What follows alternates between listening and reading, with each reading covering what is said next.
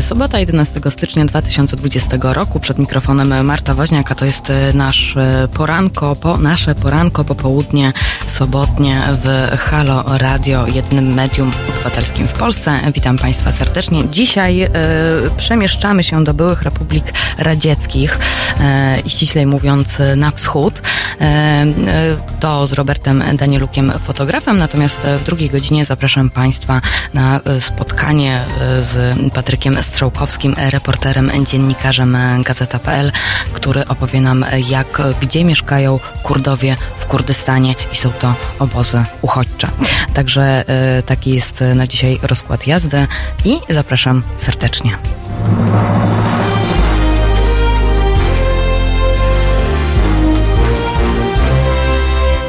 Dzień dobry jeszcze raz. Ze mną w studio jest wyjątkowy gość i się strasznie cieszę, że jesteś ze mną. Robert Danieluk, fotograf. Witam cię serdecznie. Dzień dobry wszystkim. E, Robert, e, jak dla mnie, jest osobą, która zwiedziła kawał świata, ale zanim tutaj weszliśmy do studia, to powiedział, że to jest jakiś absolutnie promil tego wszystkiego, co widział e, lub co chciałby zobaczyć. A był w wielu, wielu miejscach, w wielu państwach, wiele rzeczy widział. To może tak, ponieważ jesteś fotografem, em, po co ty jeździsz gdzieś tam? No właśnie, i to jest e, trochę tak, że trzeba byłoby się cofnąć do samego początku. E, jak e, chodziłem do podstawówki, to pomyślałem sobie, że chciałbym zostać fotografem, mimo że w ogóle nie fotografowałem i nie miałem o tym zielonego pojęcia. Więc e, patrząc dziś na to, jaki był mój wybór, uważam, że był to najlepszy wybór w życiu. Natomiast e, jakby i fotografowanie, i podróżowanie to jakby idealnie się uzupełnia. Więc e, to, o czym, że tak powiem, będziemy dzisiaj rozmawiać, czyli o wschodzie, to też jakby początek całej historii był taki, że moja babcia mieszkała przy granicy z Białorusią i jak byłem mały, to od małego tam jeździłem, jeździłem i to mieszkanie ma okna na trzy strony świata i na jedną z nich jest wschód. I od małego zastanawiałem się, co tam jest po tej drugiej stronie. Między tym jakby domem a Białorusią jest rzeka Bóg. Często też dziadek zabierał mnie nad samą rzekę i to mnie tak strasznie męczyło, że te 17 lat temu podjąłem decyzję, że pierwszy raz przekroczę granicę.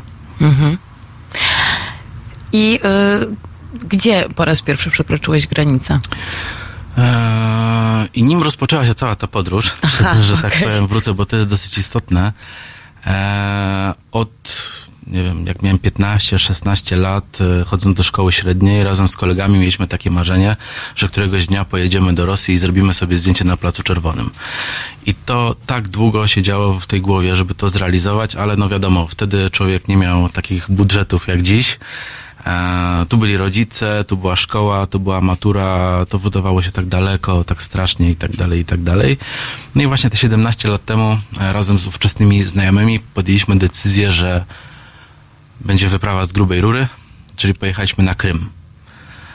E, I to e, było dosyć, że tak, to była ogromna przygoda, bo to był właśnie ten pierwszy raz, kiedy miałem okazję w ogóle przekroczyć wschodnią granicę.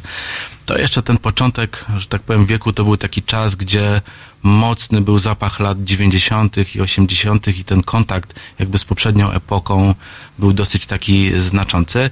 I sama ta podróż, która trwała tak strasznie długo, bo to 27 godzin jazdy pociągiem z Lwowa do Symferopolu. I ja mówię, jak to jest możliwe, że człowiek e, wchodzi do pociągu, e, mijają 24 godziny, on w tym pociągu ciągle jest i, i, i to tak strasznie, strasznie długo trwa. Natomiast sama podróż wschodnimi pociągami to jest ogromna przygoda, więc jeżeli, że tak powiem, macie okazję albo zastanawiacie się, czy warto, to naprawdę warto.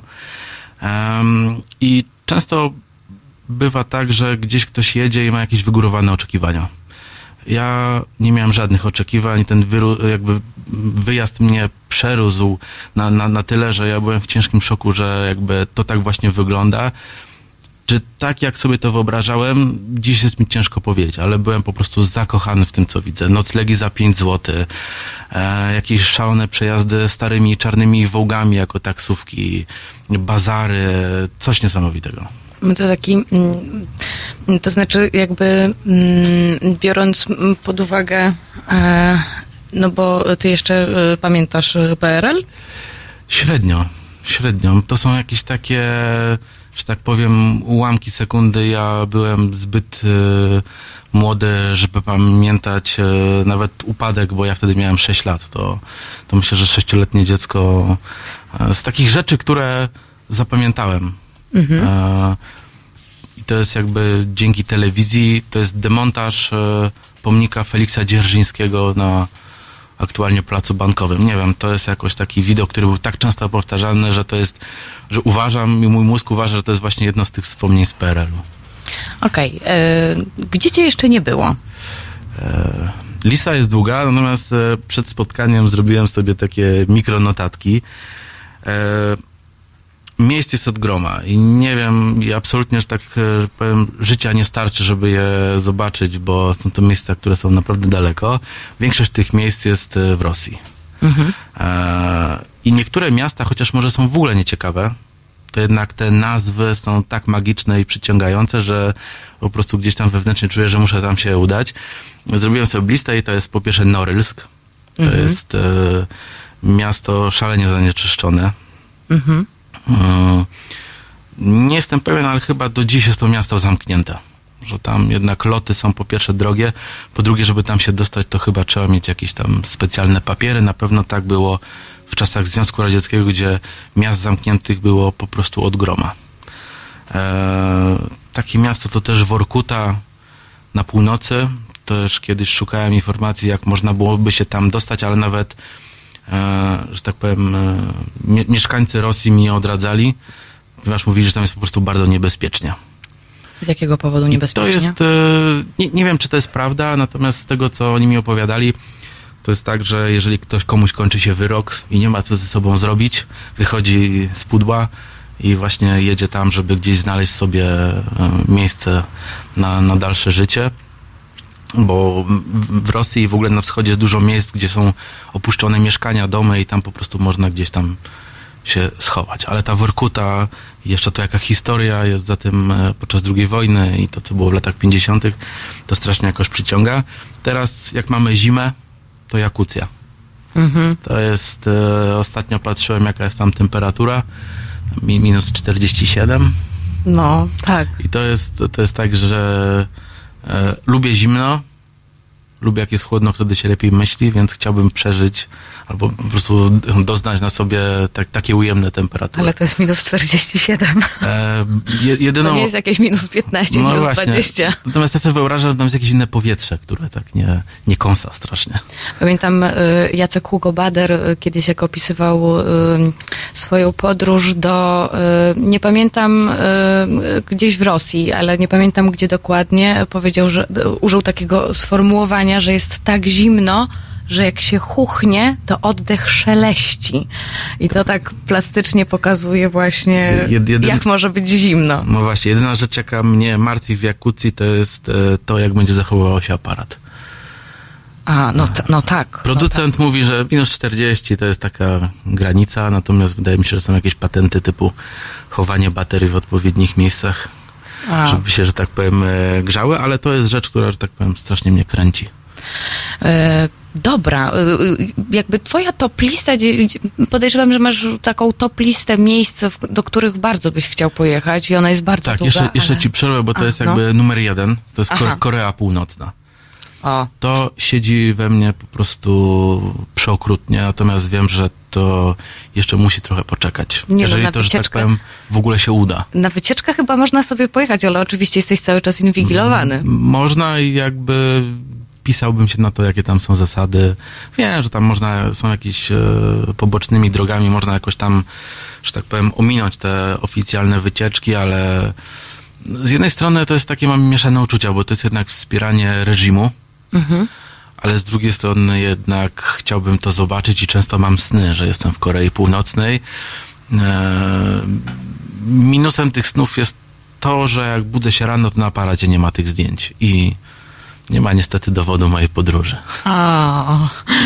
E, proszę Państwa, e, ze mną w studiu Robert Danieluk, fotograf. E, tutaj Państwa odsyłam również do pytań, do dzwonienia do nas. Sposobów kontaktu z nami jest bardzo, bardzo dużo, bo można na przykład na wideoczacie na YouTubie tutaj skomentować. Można na przykład na transmisji na żywo na Facebooku. Można wysłać też wiadomość na Facebooku. Można też wysłać nam maila tradycyjnie teraz małpa halo.radio albo można po prostu zadzwonić i zadać e, Danielowi e, parę, e, Robertowi, tak, po Danielu, przepraszam. Robertowi można zadać parę pytań. Tutaj telefon nasz do studia to jest 22 390 59 22. My natomiast teraz robimy sobie chwilę oddechu i wracamy do byłych republik radzieckich.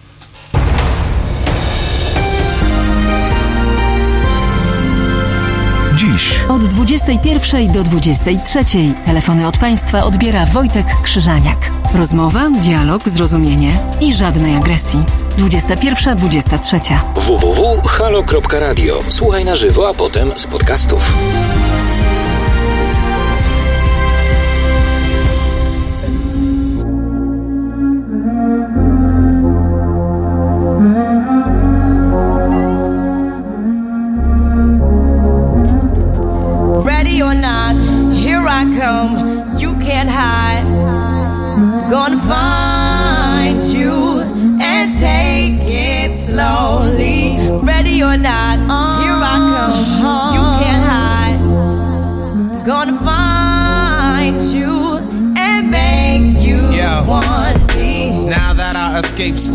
Walk awake. Yeah. Those who correlate know the world ain't kick. Jail bars ain't golden gates. Those who fake, they break. When they meet their 400 pound mate, if I could rule the world, everyone would have a gun in the ghetto, of course. When get the up and on their horse. Kick around drinking moonshine. I pour a sip on the concrete for the deceased, but no, don't weep. Why Clef's in a state of sleep, thinking about the robbery that I did last week. Money in the bag, banker look like a drag. I wanna play with pelicans from here to Baghdad.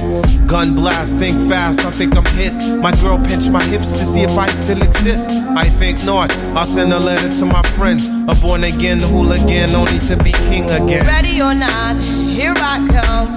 You can't hide. Gonna find you and take it slowly. Ready or not, here I come. Gonna find you and make yo, you yo, want yo. me. Yo. I play my enemies like a game of chess where I rest. No stress if you don't smoke cess. Less, I must confess, my destinies manifest. In some cortex and sweats, I make tracks like I'm homeless. Rap orgies with Borgie and Best. Capture your bounty like Elliot Ness. Yes, bless you if you represent the fool, but I hex you with some witches brew if you do do voodoo. I could do what you do, easy. Believe me, frontin' niggas give me heebie-jeebies. So why you imitating Al Capone? I be needing Simone and defecating on your microphone. Ready or not, here I come. You can't hide. Gonna find you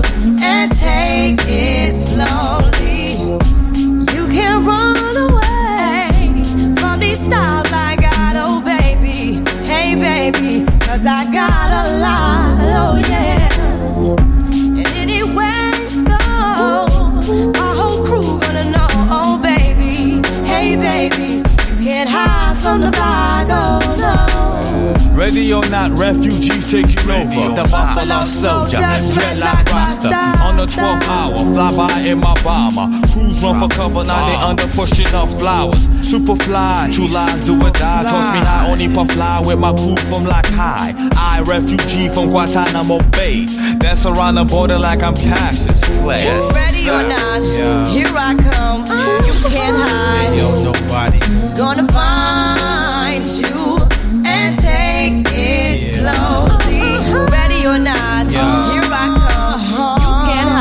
yo, nobody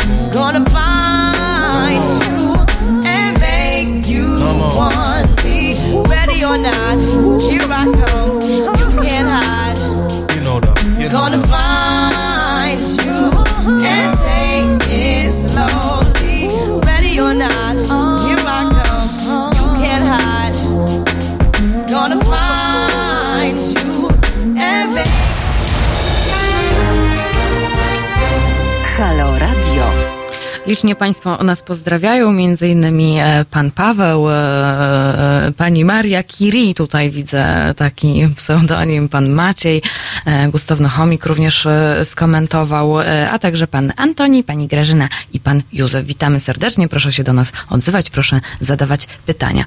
Ale, Robercie, nie powiedziałeś, Czego nie powiedziałeś? Nie powiedziałem najważniejszego, no. czyli dlaczego tam po prostu podróżuję. No.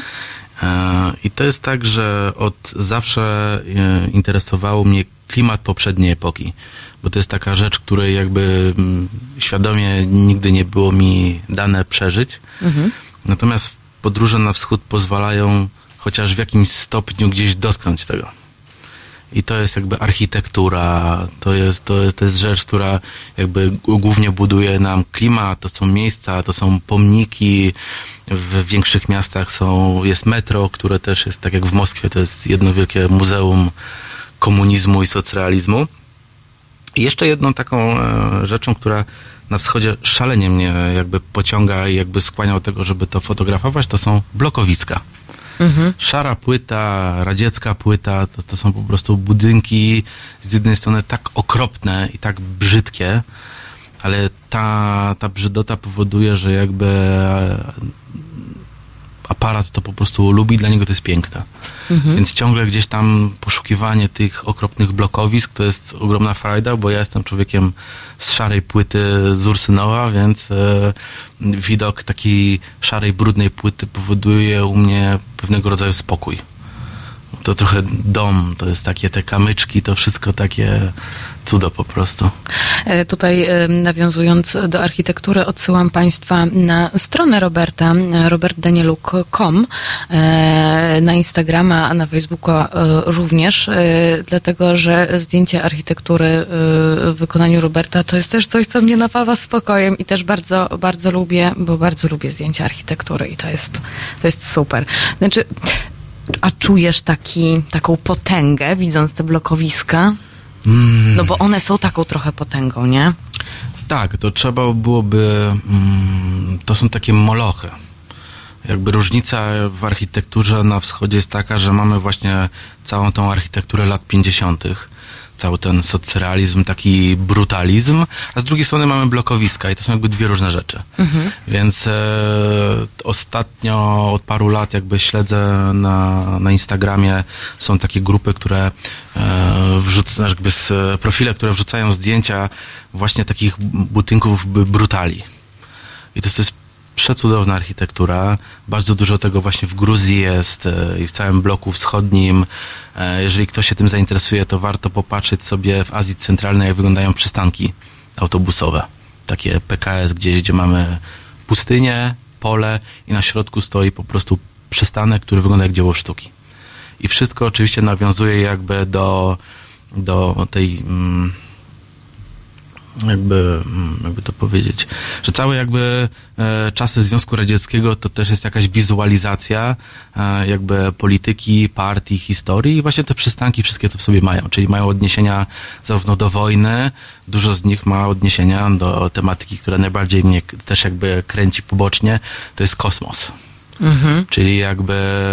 O hotelu Kosmos jeszcze porozmawiamy. Tak, natomiast jakby e, jest w całym też bloku wschodnim jest kult Yuri Gagarina.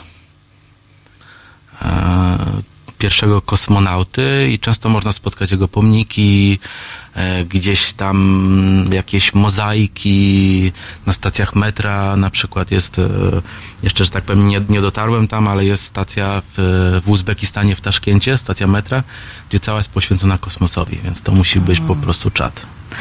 No tak, do tego ci życzę. A powiedz mi, jak jeździsz, jak fotografujesz, to w sumie dwa pytania mam.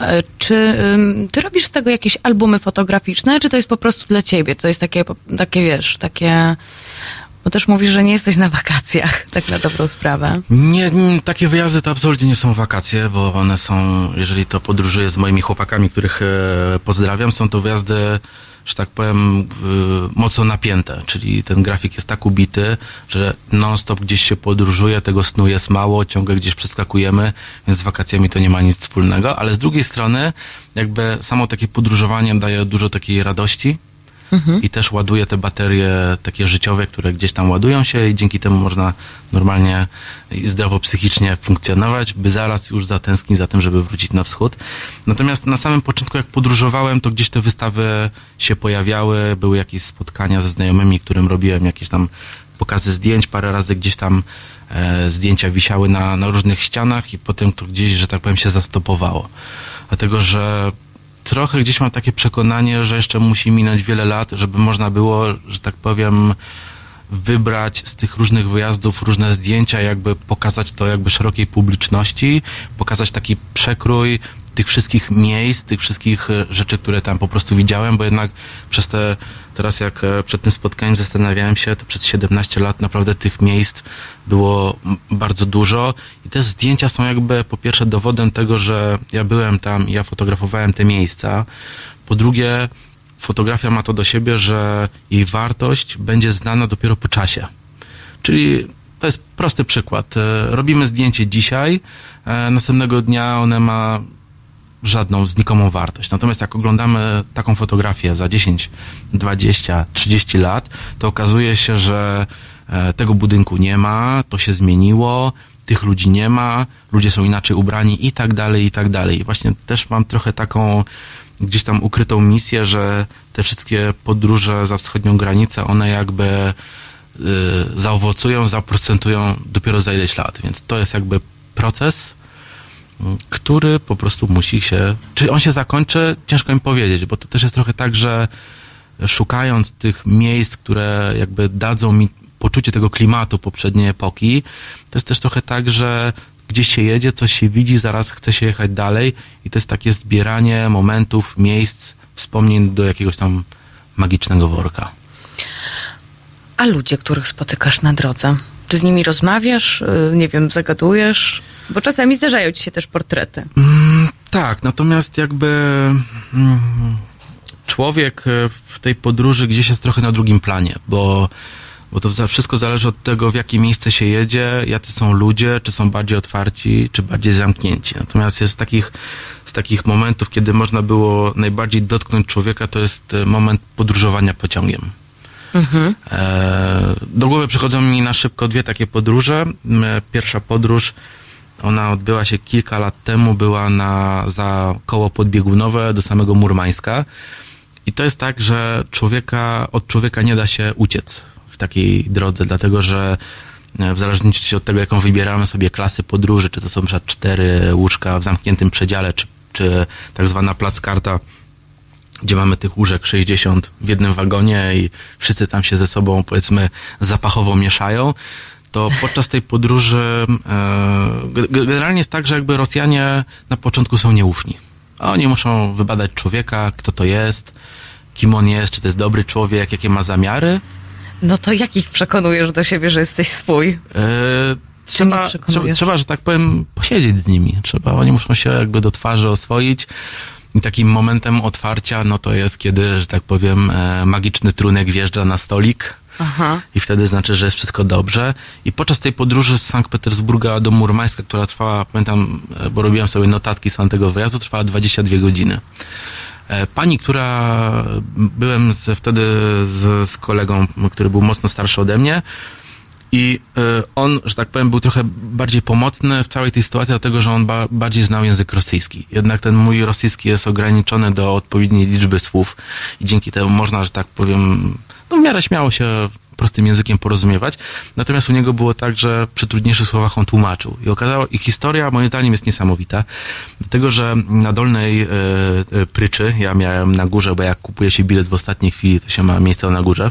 Te na dole są takie bardziej wartościowe e, to okazało się, że facet, który podróżuje z nami do mm, Murmańska, jest ekspertem od reaktora atomowego na lodołamaczu. I po prostu serce zaczęło mi bić jako szalałe. I on trochę zaczął tak, e, że tak powiem, opowiadać o swojej pracy, że to wygląda tak, że on jest ileś miesięcy na lądzie, ileś miesięcy jest e, na wodzie i ten lodołamacz ma za zadanie płynąć z Murmańska do Chin. E, jeszcze muszę dodać, że ten wyjazd był zimą, dlatego że tematem przewodnim była noc polarna. Więc e, ten lodołamacz jakby miał za zadanie rozbić ten lód, który jest gdzieś tam na północy kontynentu i dzięki temu wszystkie statki towarowe mogły śmiało sobie przemieszczać się z jednej na drugą stronę. No i żeby, że tak powiem, nie przedłużać, to on e, zaczepiał, pytał nas o różne rzeczy i mówi do mnie tak, Robert, a czy ty widziałeś taki film K-17 z Harrisonem Fordem? Ja mówię, oczywiście, przecież to jeden z moich ulubionych filmów. A on mówi, wiesz, jak byłem młody, to na samym początku służyłem na tej łodzi podwodnej.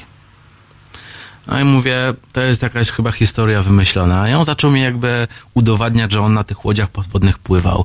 Że jak się łódź podwodna bardziej wynurza, to tam się zwiększa jej jakby powierzchnia w środku. Jak się zanurza, to wtedy ta woda cała napiera. Tam jakieś, jakieś tam sztuczki i tak dalej opowiadał.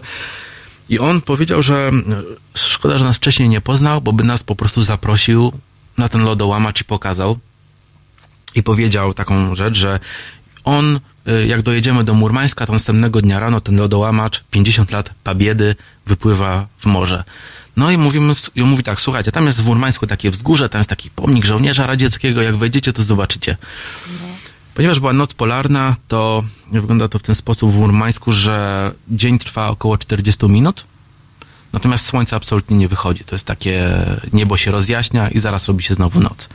Więc razem z kumplem obudziliśmy się około, obudziliśmy się i mówię, kurczę, szósta rano jest, to wstajemy i ten. Okazało się, że było prawie dwunasta. No i ten lodołamacz już popłynął i koniec historii. Dopiero w internecie gdzieś tam szukałem, czy to faktycznie ten taki lodołamacz wypłynął no i okazało się prawdą. O. E, Proszę Państwa, więcej e, takich historii już za moment. Jeżeli teraz dopiero Państwo do nas dołączyli, e, to tutaj przypominam, że żeby się dowiedzieć, co było we, no, od godziny 11, e, to odsyłam Państwa tutaj do podcastu, który będzie dostępny już jutro. Natomiast teraz jesteśmy z AHA.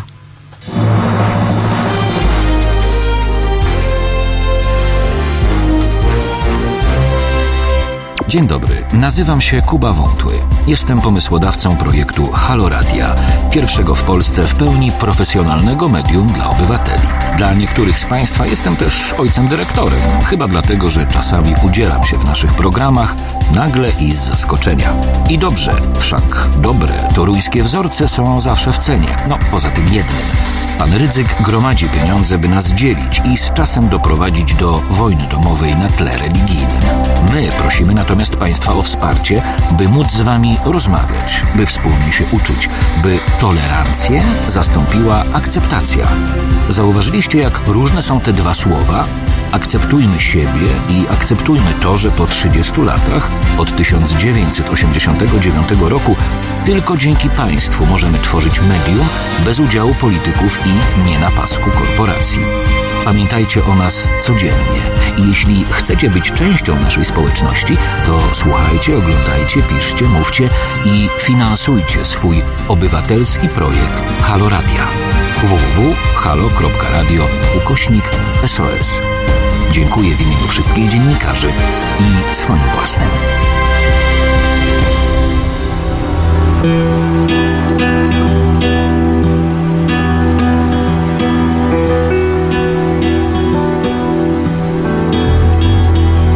Summer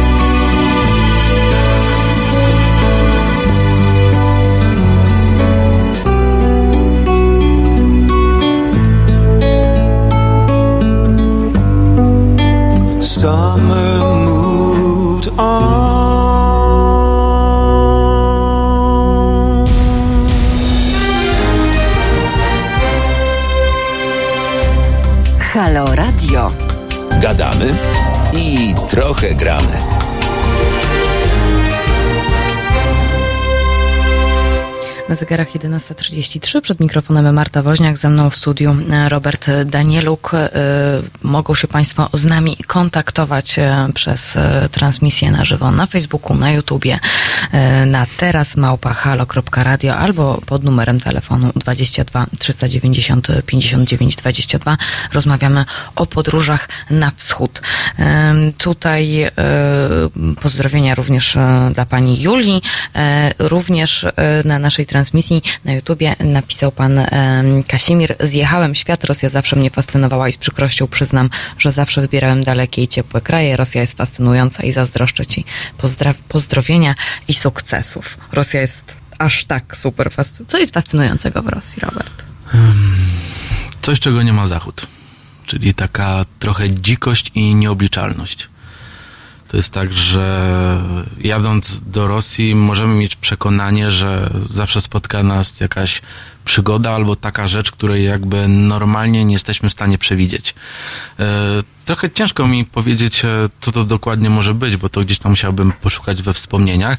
Natomiast e, jest tak, że trochę może wydawać się, że jest tam niebezpiecznie że jest taki może trochę stereotyp właśnie, że w Rosji nie jedź tam do Rosji, bo tam cię zabiją, porwą i tak dalej. W ogóle to są jakieś takie totalne bzdury, bo może większość osób oglądało e, wiele, wiele lat temu taki świetny kryminalny, kryminalno-dokumentalny serial Kryminalna ja Rosja. Mhm. To tak oglądało się. Mówi, Boże, w tej Rosji to naprawdę jest tak źle. I, to, i tak dalej, i tak dalej. To tak może było naprawdę w latach 90., gdzie Rosja przechodziła z jednego na drugi system i faktycznie e, dużo było takich informacji, że ten wschód jest taki niebezpieczny do podróżowania, natomiast prawda jest zupełnie inna. Jakby gdziekolwiek byśmy chcieli się wybrać, to będzie dla nas jakby zupełnie inaczej i może nawet niebezpiecznie z tego punktu, w którym jesteśmy. Czyli jesteśmy sobie tutaj w Warszawie, tu jest spokojnie i tak dalej i nagle ktoś mówi, ja bym chciał na Syberię pojechać, a ktoś mówi, nie, nie jedź tam, przecież to jest tak daleko i tak dalej, i tak dalej, i tak dalej. I okazuje się, że gdy tam gdzieś jedziemy w dane miejsce i okazuje się, że tam jest tak po prostu tak samo i tak normalnie jak u nas. Mhm. I to dotyczy, że tak powiem, dużo różnych e, aspektów życia. Od tego, jak najprostsze, że może się wydawać, nie no, to Rosja w sklepach jest pusto albo, albo ciężko coś kupić. To jest totalna nieprawda. Wystarczy wejść do, każdy, każdy jeden sklep jest e, super wyposażony i nawet czasami są takie produkty żywieniowe, które są smaczniejsze, lepsze niż u nas. To się, że tak powiem, może zdarzać. A co z Putinem? Mm, Putin e, generalnie jakby po upadku Związku Radzieckiego ja mam wrażenie, że czy Rosja, czy wszystkie te państwa byłego bloku, to są miejsca, gdzie, gdzie ludzie nadal, może to jest jakby moje tylko, moja, moja opinia, ale że e, przez tyle lat ludzie byli trzymani za twarz silną ręką mhm. I w wielu krajach nadal tak jest. Wystarczy sobie na przykład spojrzeć na Białoruś, która, e, w której e, rządzi Aleksander Łukaszenka tyle, tyle lat i wystarczy, że tak powiem, najprościej wsiąść w pociąg i po prostu pojechać i zobaczyć, jak jest. Białoruś bardzo się zmienia, natomiast nadal jest to kraj, który pod wieloma względami jest zupełnie inny niż Polska.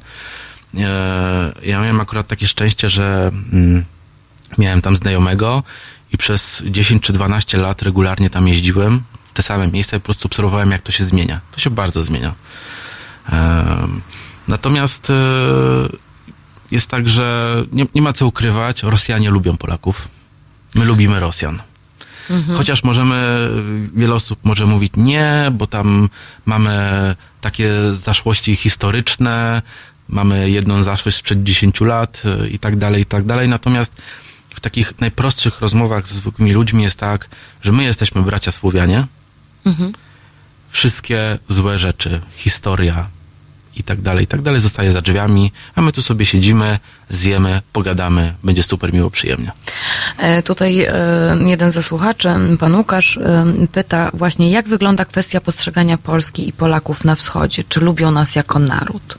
O Rosji powiedzieliśmy, ale na przykład inne republiki, w których byłeś. Generalnie ja zawsze miałem i mam takie wrażenie, że generalnie jakby hasło Polska powoduje miłe wspomnienia. U starszych ludzi jest to ściśle związane z kulturą.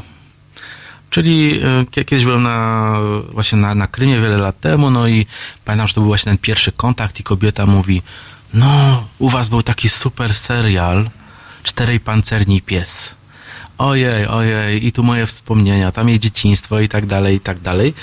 Więc jakby że tak powiem, za dużo o tym nie mogę powiedzieć, bo nie miałem aż tak e, takich wnikliwych e, i częstych rozmów e, z lokalnymi ludźmi na temat jakby postrzegania Polski. Natomiast na tyle lat podróżowania nigdy nie spotkałem się z jakimś negatywną energią. Na Syberii było tak, że kiedyś zaczepił nas taki facet, który był troszeczkę pod wpływem magicznej cieczy i mówi, no Polacy, no tutaj ten i tak dalej, chodźcie do mnie do domu, będziemy świętować, że tutaj przyjechaliście, bo Polacy i tak dalej. No i potem gdzieś tam zacząłem analizować, że faktycznie na tej Syberii jakby wizerunek Polaka jest silny, dlatego że wiele, wiele lat temu to Polak to był właśnie osoba, która stawiała się przeciwko władzy i tak to gdzieś zostało. Hmm. E, powiedz mi, bo mówi się też czasami o tych e, republikach byłych radzieckich, że to są sieroty po Związku Radzieckim. Który z tych krajów, e, w których byłeś, wydaje się taki najsmutniejszy, taki najbardziej pogrążony przez były system? Hmm, to jest bardzo trudne pytanie. Mhm. Dlatego, że podróżując po wschodzie mamy duże miasta. Czyli często jest tak, że jakby głównie obiera się czy stolice, czy duże miasta, które okazują się, że one są po prostu mocno rozwinięte, e, wszystko tam jest, e, jakby tą, że tak powiem, cywilizację widać i można dotknąć e, gołą ręką, natomiast z takich miejsc, które wydawały się trochę takim końcem świata, mm, to można trochę powiedzieć, że to są takie generalnie wioski. Gdziekolwiek się tam nie pojedzie, to jednak na, na tej wschodniej wsi widać e, trochę biedę, która jakby wynika z tego, ile ci ludzie po prostu zarabiają, jaką otrzymują emeryturę. I chyba takim z, z mojego jakby punktu widzenia i tego, gdzie byłem, to jest trochę Białoruś. Mhm. Jednak jak już opuści się granice miasta, pojedzie się na wieś i ogląda się to, jak ona wygląda, to jest tam, z jednej strony jest smutno, ale dla nas, dla ludzi, którzy żyją trochę w innym, bardziej rozwiniętym państwie, bo jednak no, nie mamy co ukrywać, ale na przykład między Polską a Białorusią jednak ileś tych e, lat różnicy w rozwoju jest. Między nami a Zachodem to też ta jakby e, odległość e, mentalna i, i rozwojowa też jest, ale to wszystko spowodowane tym, gdzie była Polska za czasów PRL-u i tak dalej, i tak dalej. Natomiast z drugiej strony, czy ci ludzie są nieszczęśliwi? Ciężko powiedzieć. Myślę, że są szczęśliwi. Hmm. Dlatego, że oni nie otaczają się jakimiś dobrami, nie muszą mieć super telewizora i tak dalej. Oni mają po prostu ciszę, spokój. Więc yy, to jest naprawdę bardzo, bardzo trudne pytanie. A powiedz mi, bo tutaj zachęcałam również Państwa, e, zajawiając program a propos tego, że w miejscach, w których e, są miejsca, w których, w których byłeś, w których czułeś się jak wehikuł czasu. I tutaj bym chciała nawiązać do gwiazdy, czyli do hotelu Kosmos. Tak. E, już nie wiem, czy to było sześć czy pięć lat temu razem z moim super kolegą Dawidem, którego pozdrawiam, e, postanowiliśmy udać się do Odessy. E, a ponieważ Odessa jest tak blisko Mołdawii, e, między Mołdawią a Ukrainą jest taka wspaniała, dziwna republika zwana Naddniestrzem. Więc najpierw udaliśmy się do Kiszyniowa. Jak szukałem miejsca noclegowego, to okazało się, że jest taki hotel, hotel Kosmos. I jak go zobaczyłem, to stwierdziłem, że od razu trzeba tam rezerwować, bo ja chcę tam spać. I uwierzcie mi, ale po prostu czas w tym miejscu się zatrzymał w latach 80. I to było, to jest tak, jak człowiek wchodzi do muzeum, w którym może żyć, może wszystkiego dotknąć, może spać na tym łóżku. I e, razem z Dawidem wkręciliśmy sobie, że jesteśmy w tych latach 80. i w ścianach są podsłuchy.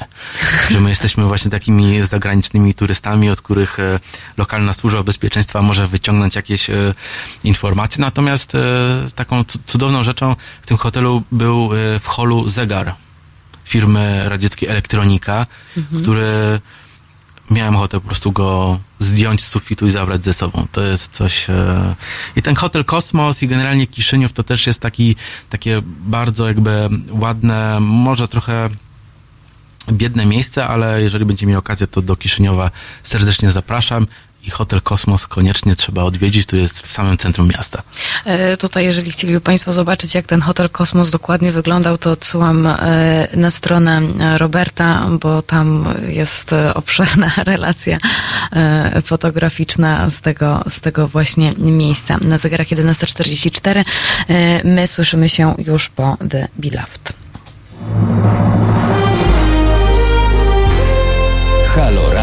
Nazywam się Adam Bodnar, pełnię funkcję Rzecznika Praw Obywatelskich. Zachęcam Państwa do wspierania Halo Radio. To jest pierwsze radio obywatelskie, radio, które istnieje dzięki Państwa wpłatom, dzięki Państwa darowiznom, dzięki Państwa stałym zleceniom.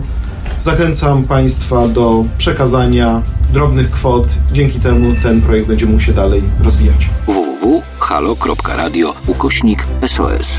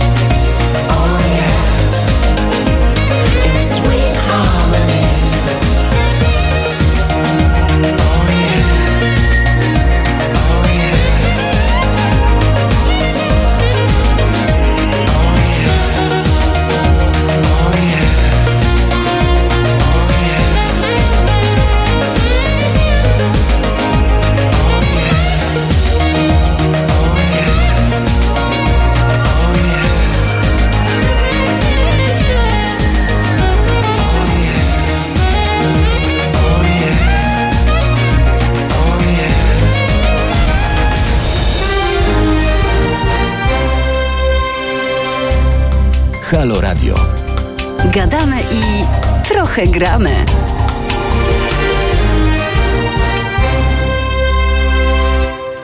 Ym, Jednym z najciekawszych challenge'ów e, podczas wyjazdu na wschód jest fotografowanie pomników Lenina. Och, czekałam na to. E, I jakby poszukiwanie tych Leninów to jest naprawdę ogromna frajda, bo ich jest całkiem sporo. Oczywiście na Ukrainie już większość z nich e, została zrównana z ziemią, co absolutnie popieram.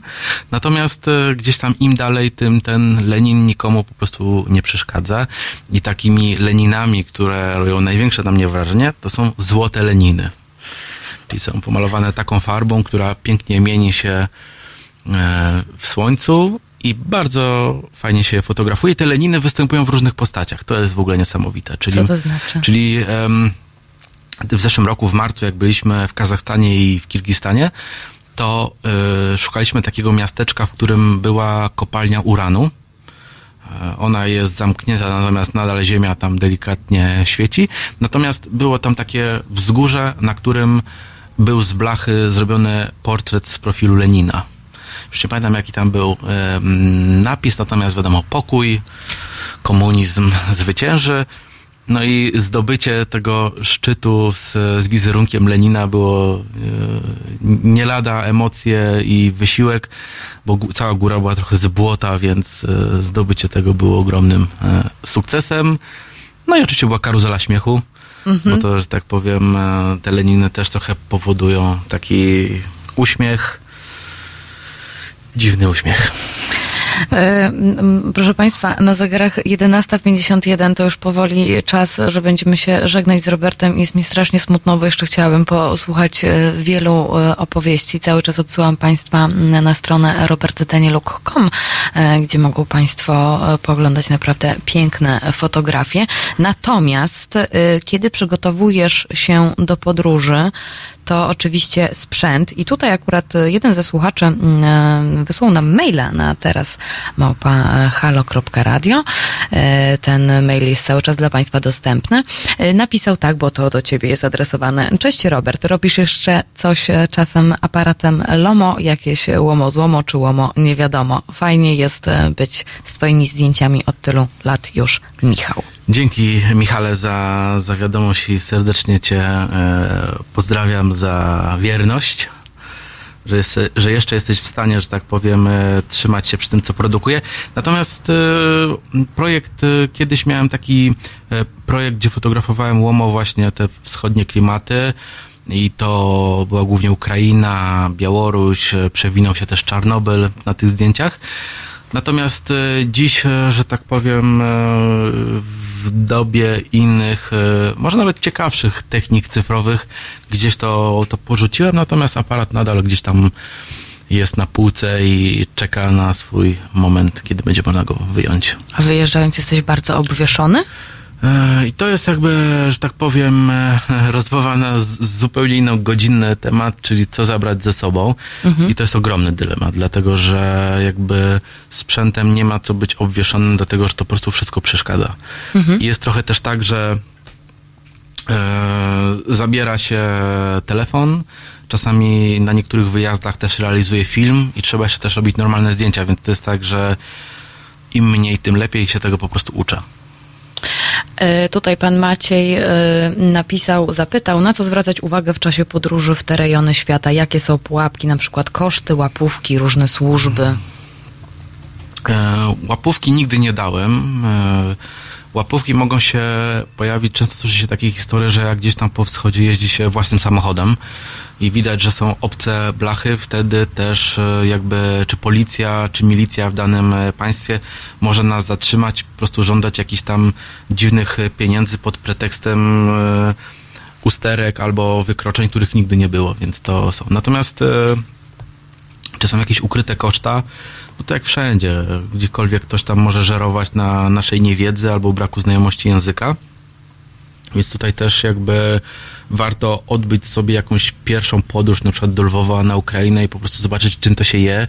I im więcej człowiek podróżuje, tym wie po prostu na co uważać. I trzeba, nieważne gdzie się jedzie, trzeba przestrzegać tych samych zasad. Czyli po pierwsze, nie rzucać się w oczy, respektować to, gdzie jesteśmy, I po trzecie, po prostu być spokojnym.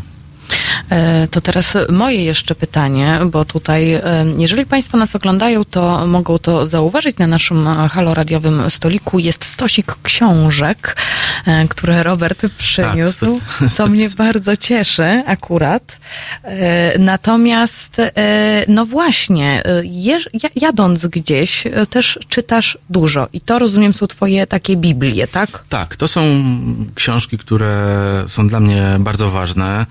E, tak na szybko to jest e, Biała gorączka Jacka Hugo Badera, która moim zdaniem jest Biblią wszystkich tych, którzy są tak zwanymi wschodniofilami. To jest moim zdaniem obowiązkowa lektura. Natomiast e, dodatkowo bardzo ważna jest ta, czyli Ryszard Kapuściński Imperium. Gdzieś wyczytałem, że, że jakby to jest cytat Ryszarda Kapuścińskiego, że podróżuje się po powrocie do domu. I to jest coś niesamowitego, dlatego że jak wracamy do domu, to mamy czas, żeby przeszukać sobie internet, zasięgnąć wiedzy w książkach, żeby sobie to, co my widzieliśmy, jakby rozszerzyć naszą jakby wiedzę na dany temat. Drugą techniką jest to, żeby po prostu przeczytać sobie wcześniej jakieś książki i jadąc tam wiemy, co nas spotka. Trzecia opcja jest taka, tak miałem z Albanią, że jadąc do Albanii kupiłem sobie książkę, e, może by było Błoto słodsze, Słodsze niż miód. Małgorzaty I- Reimer. Tak. I kiedy będąc tam, czytałem tą książkę, to było po prostu coś niesamowitego. To było tak, że czytamy o tych, o tych strasznych rzeczach, które się tam działy, a z drugiej strony jedziemy autobusem i mijamy te wioski, widzimy te góry, morza i tak dalej, więc to jest, e, to jest coś po prostu niesamowitego. I ostatnią rzeczą, e, e, książka Nie ma jednej Rosji, pani Barbary Włodarczyk. Mhm. I tutaj jakby o samej książce nie będę opowiadał, natomiast serdecznie wam polecam. Ja, że tak powiem, na tym się wychowałem, to są Szerokie Tory. To jest po prostu serial dokumentalny, który nawet po tylu latach e, oglądania powoduje, że mam gęsią skórkę. Więc tutaj też panią, e, pozdrawiam panią Barbarę Podarczyk i mam nadzieję, że któregoś dnia pani Barbara w końcu ulegnie i spotka się ze mną na ciepły, gorący czaj. O, to tego Ci serdecznie życzę. 11.57. Chyba musimy już się pożegnać. No niestety. No niestety. Proszę Państwa, natomiast mieliśmy jeszcze tutaj e, zaplanowane, żeby opowiedzieć trochę o Iranie, e, bo Robert e, był, wizytował i widział, jak to wygląda. I dzisiaj w ogóle, jak się spotkaliśmy, to było nam trochę smutno, co się tam, co się tam wydarzyło. Ale tutaj w tym momencie odsyłam Państwa na Facebooka Robert Danieluk, notatki fotograficzne i na Tak, stronę na, najlepiej jakby wejść sobie w wyszukiwarkę, wpisać moje imię i nazwisko, czyli Robert Danieluk Blog. I tam są i fotografie, i większe, lub mniejsze opisy różnych tych wypraw. I serdecznie jakby... Wskazówki też są. Tak, serdecznie zapraszam. Mam nadzieję, że e, pod wpływem jakby moich paru zdań ktoś odważy się i po prostu ruszy na wschód. Może to być na sam początek to, o czym wspomniałem, Lwów. Przepiękne miasto, które ma bardzo wiele do zaoferowania. To ja już Lwów mam odhaczony. To teraz Kijów. Okej, dobra. Skoro tak polecasz, to dobrze. E, Robercie, bardzo Ci dziękuję, że e, przyszedłeś. Bardzo się cieszę. E, Natomiast Państwa już zapraszam tutaj na naszą drugą godzinę, bo od 12 w studiu pojawi się Patryk Strzałkowski i będziemy cały czas w klimatach nieznanego i również czegoś obcego, to znaczy będziemy mówić o Kurdach e, w Kurdystanie. Więc e, zostańcie proszę Państwa z nami. E, Jeszcze raz Robert, bardzo Ci dziękuję. Dziękuję bardzo. I tak, to teraz, to teraz co? To teraz Kazik, proszę Państwa. Halo Radio. Krzysztof Pieczyński, dzień dobry. Proszę Państwa, Kuba Wątły jest ateistą, ja jestem człowiekiem wierzącym. Ani jemu to nie przeszkadza, ani mnie to nie przeszkadza. Kuba Wątły czasami opowiadając o politykach i sytuacji w Polsce używa słów siarczystych. Może i by mnie to przeszkadzało, gdyby nie to, że uważam, że opowiadanie o tych sprawach wcale nie wymaga odcięcia się od emocji i bycia nieustannie dyplomatą, bo w dyplomacji, którą uprawiamy, wiele spraw zostaje zamiecionych w sposób bardzo brutalny i znacznie gorszy niż siarczystość Kuby pod dywan. W związku z tym mówmy prawdę, zacznijmy mówić prawdę i do tego wiodę. Do medium społecznościowego, medium obywatelskiego, które chce założyć Kuba i które zakłada w tej chwili, po to, żeby mówić bez cenzury o sprawach, które nas bolą. Po to, żeby patrzeć politykom na ręce i po to, żeby patrzeć na ręce Kościołowi katolickiemu, rozliczyć Kościół katolicki nie tylko za pedofilię, bo to jest jedna z rzeczy. To jest szczyt góry lodowej, o której mówię od wielu lat. Kuba mówi o tym dwa razy dłużej albo trzy razy dłużej i należy mu się to medium. Zapracował na to, na państwa zaufanie, żeby mieć to medium, żeby dalej mówić o tych rzeczach bez cenzury, bez zamiatania pod dywan. Mówić prawdę. www.halo.radio ukośnik SOS.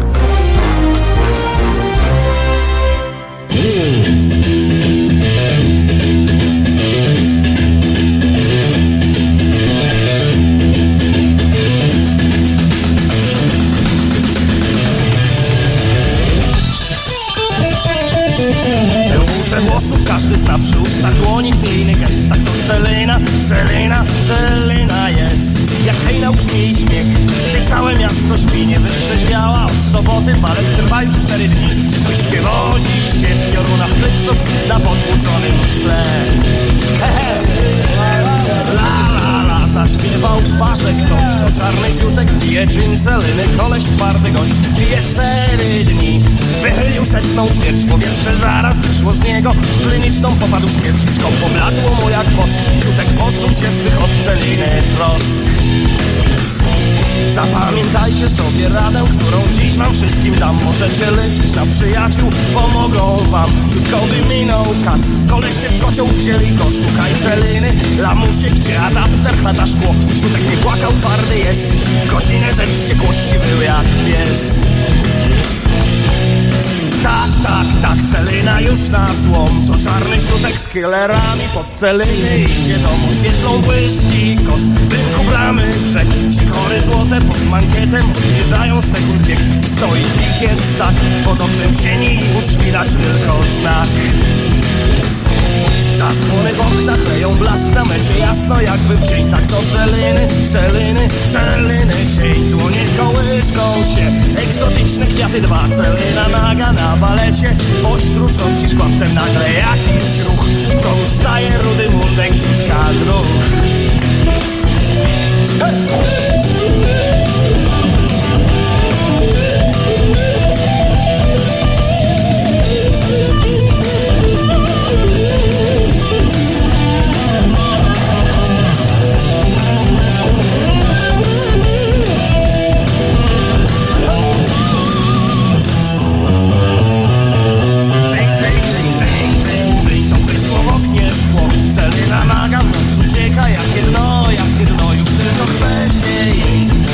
piekła skryć O siutek, gdzieś ty był, kiedy ja zaczynałam pić. Dlaczegoś nie w pysk, lecz milczy noc i tylko kosy świeci błysk? Dlaczego taki ostry był siutkowej kosy szpic? Przecież znacie te balety, wszak nic złego nie ma nic Ale celiny głos, celiny włosów Woń czerwoną mgłą zasnuwa oczy. W kamień zbiera dłoń siutek Tylko podniósł brew błysnęło. Na białą pierś trysnęła krew Słuchaj, to jęknął świat jak chory pies u pana stóp. Tak to celinie, celinie, celinie kopią grób W rynku syren jęk Na jezdni żółty kurz, niebieska szklanka miga Blacharnia ziutka zwija już i odtąd spoza krat. Ciutek i mundek bez celiny widzą świat czasem gdy jest noc, siutek wytęża słuch Tak to celiny, celiny, celiny. Duch wiecie więc, że ja was Bawiłem śpiewem swym tylko dla zwykłej draki. W ogóle prawdy nie ma w tym, to zwykły kawał jest. Dla ludzi to już palany kres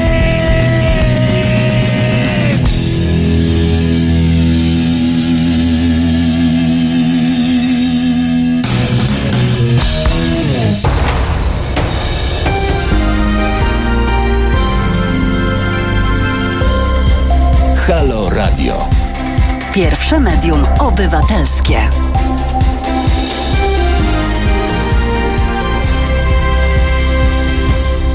To znowu ja, Marta Woźniak. Nic się nie zmieniło. Godzina 12.04 na naszych e, zegarach. E, słuchają Państwo popołudnia e, sobotniego z Halo Radiem, z jedynym polskim medium obywatelskim. I tutaj Państwu przypomnę, że nie istniejemy bez Państwa, bez Państwa datków i bez Państwa wpłat. Tutaj akurat zachęcam Państwa do wspierania nas, bo z tego co widzę, podoba się Państwu to, co robimy. Nam też jest bardzo miło mówić o rzeczach ważnych i ważniejszych, e, a takie z całą pewnością teraz e, się pojawią i pojawiały się wcześniej. Dlatego odsyłam na www.halo radio ukośnik SOS. Tam są informacje o tym, jak mogą Państwo nas wspierać. Natomiast, o, Pani Urszula napisała, bardzo się podoba, bardzo dziękujemy, bardzo dziękujemy. To jest przyjemność, przyjemność mieć takich słuchaczy i przyjemność mieć takich gości, bo dzisiaj ze mną w studiu po raz drugi już właściwie u mnie Patryk Strzałkowski, dziennikarz, reporter z gazeta.pl. Witam cię mhm. serdecznie. Dzień, dzień dobry. Tylko e, wcześniej rozmawialiśmy, e, w październiku rozmawialiśmy o e, granicy kolumbijsko-wenezuelskiej, a teraz rozmawiamy, zmieniamy w ogóle kontynent. Mhm, tak, teraz e, będziemy rozmawiać o irackim Kurdystanie, gdzie miałem okazję być e, dos, miesiąc temu przez kilka dni, niestety dosyć krótko, e, z Polską Misją Medyczną. To jest organizacja, która prowadzi pomoc w tamtejszych obozach dla uchodźców i e, dla osób e, wysiedlonych wewnętrznie, czyli Irakijczyków, którzy musieli opuścić swoje domy z powodu walk z państwem islamskim i wielu z nich jeszcze e, milion e, ludzi nie jest w stanie wrócić do swoich domów cały czas, chociaż od dwóch lat e, państwo islamskie w Iraku zostało już w zasadzie pokonane. Patryk, wiesz co, ja mam takie wrażenie, że ja będę płakać tutaj, jak będziesz opowiadać swoje historie, co widziałeś i gdzie byłeś, bo e, proszę Państwa, jest dostępny na gazecie PL reportaż e, Patryka. E, można go łatwo znaleźć, bo tytuł jest cytatem, więc ja teraz już nie pamiętam, jak on, jak on brzmi, ale jeżeli wpiszą Państwo Patryk Strzałkowski, Jazi, e, to e, tak nazywa się bohaterka Patryka, to e, z łatwością Państwo znajdą. E, ja będę również Państwa zachęcała do przeczytania tego tekstu cały czas, e, bo wypisałam sobie pewne cytaty, które są kluczowe i chciałabym po prostu o nich też porozmawiać dzisiaj. Ale zanim, Patryku, bo ja wychodzę zawsze z takiego założenia, że ja nie rozumiem, nie wiem i ja może i czytam i trochę się może orientuję, ale cały czas mam wrażenie, że nic, nic nie wiem, nic nie rozumiem. Chciałabym, żebyśmy sobie tak wyjaśnili tą taką sytuację geopolityczną troszeczkę.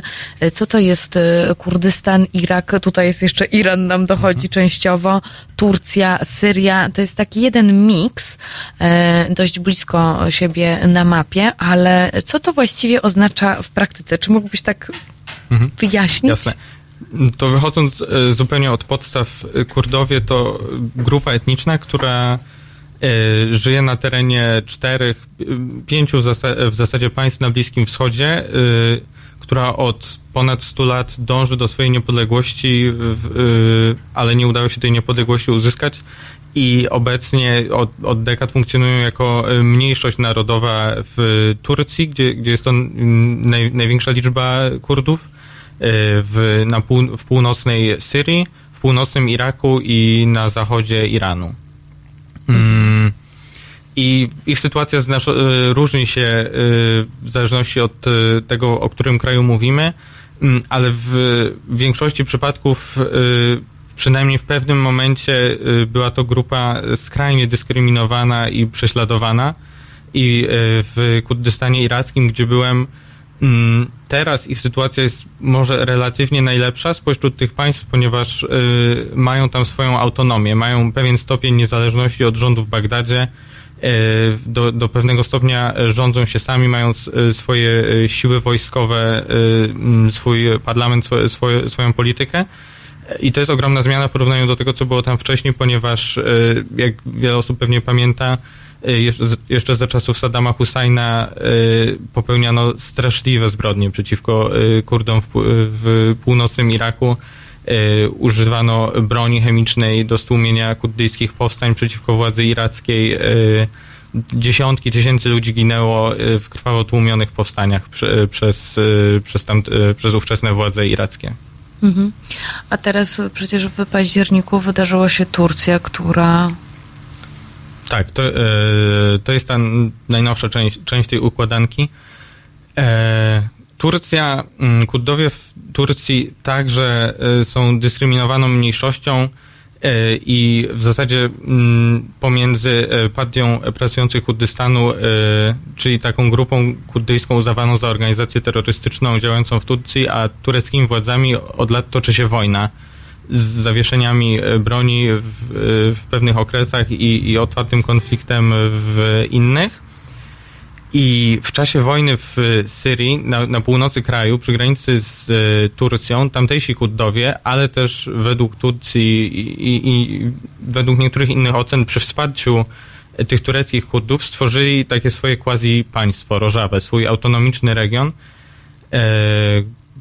Przy wsparciu zachodniej koalicji e, walczyli, wygrywali tam z państwem islamskim, e, mieli pewien zakres nieoficjalnej, ale de facto autonomii co Turcja uznała za zagrożenie dla siebie. Według tureckich władz było to zagrożenie. y, Obawiali się tego, a przynajmniej oficjalnie mówili, że obawiają się tego, że y, to będzie miejsce, z, których y, te grupy, których Turcja uznaje za terrorystów, mogłyby przeprowadzać jakieś ataki.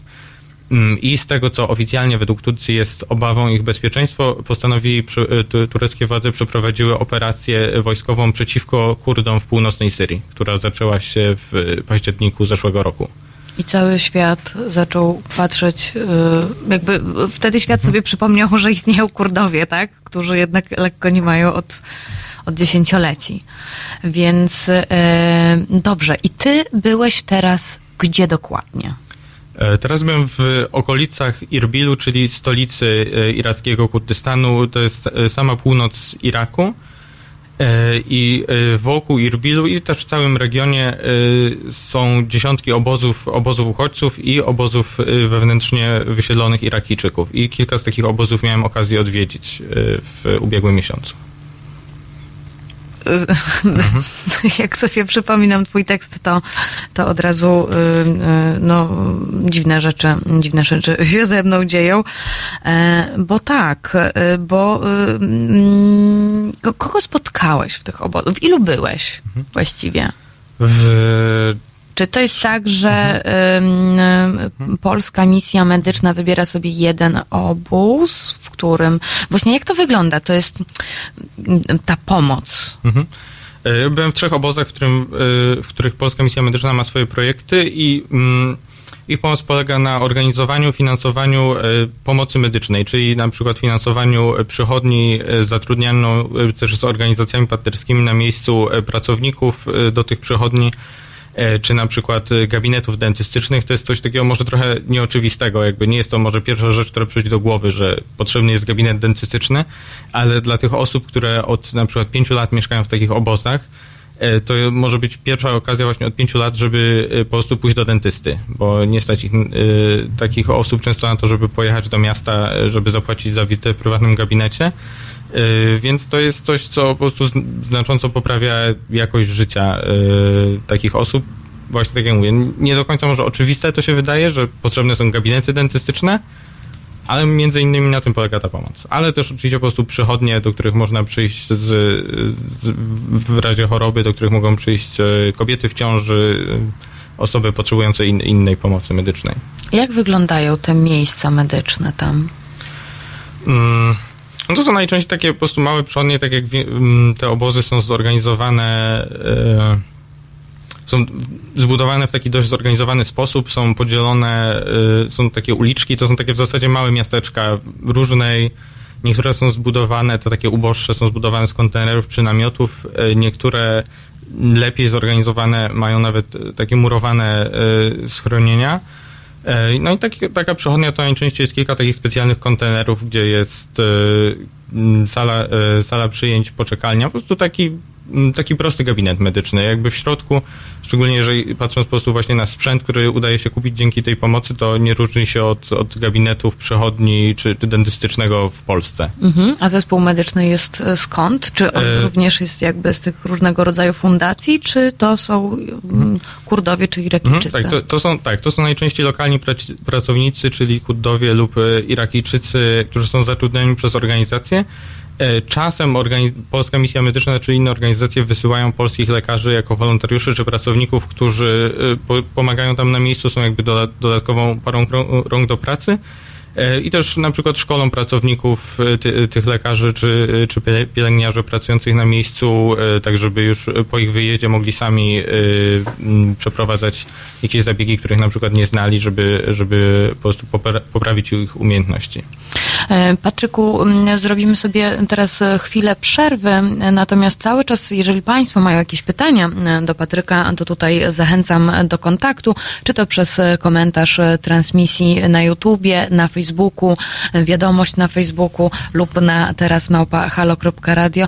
No i oczywiście cały czas również czekam na Państwa telefony pod numerem 22 390 59 22. My słyszymy się już za moment po Metalice.